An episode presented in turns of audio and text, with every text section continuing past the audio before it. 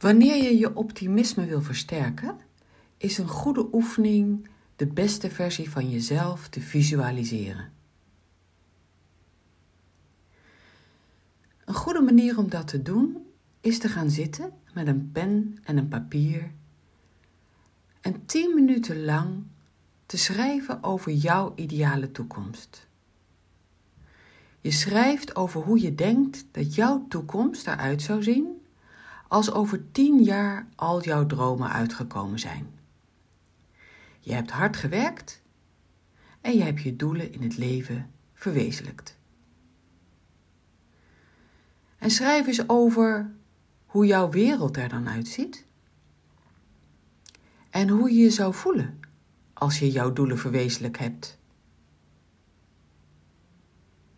Zou je dan gelukkig zijn? Trots?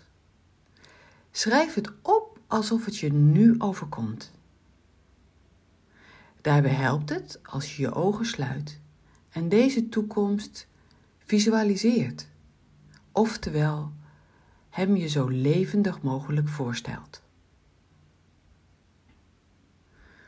Als je dat hebt gedaan, dan kan je na enige tijd, een aantal dagen later, zo'nzelfde stuk schrijven over een ander onderwerp of een ander deel van je leven. Het kan gaan over bijvoorbeeld je gezondheid, je werk, je opleiding, vriendschap, liefde, ouderschap, waar je woont, etc. Hoe concreter het wordt, hoe groter de impact van de oefening.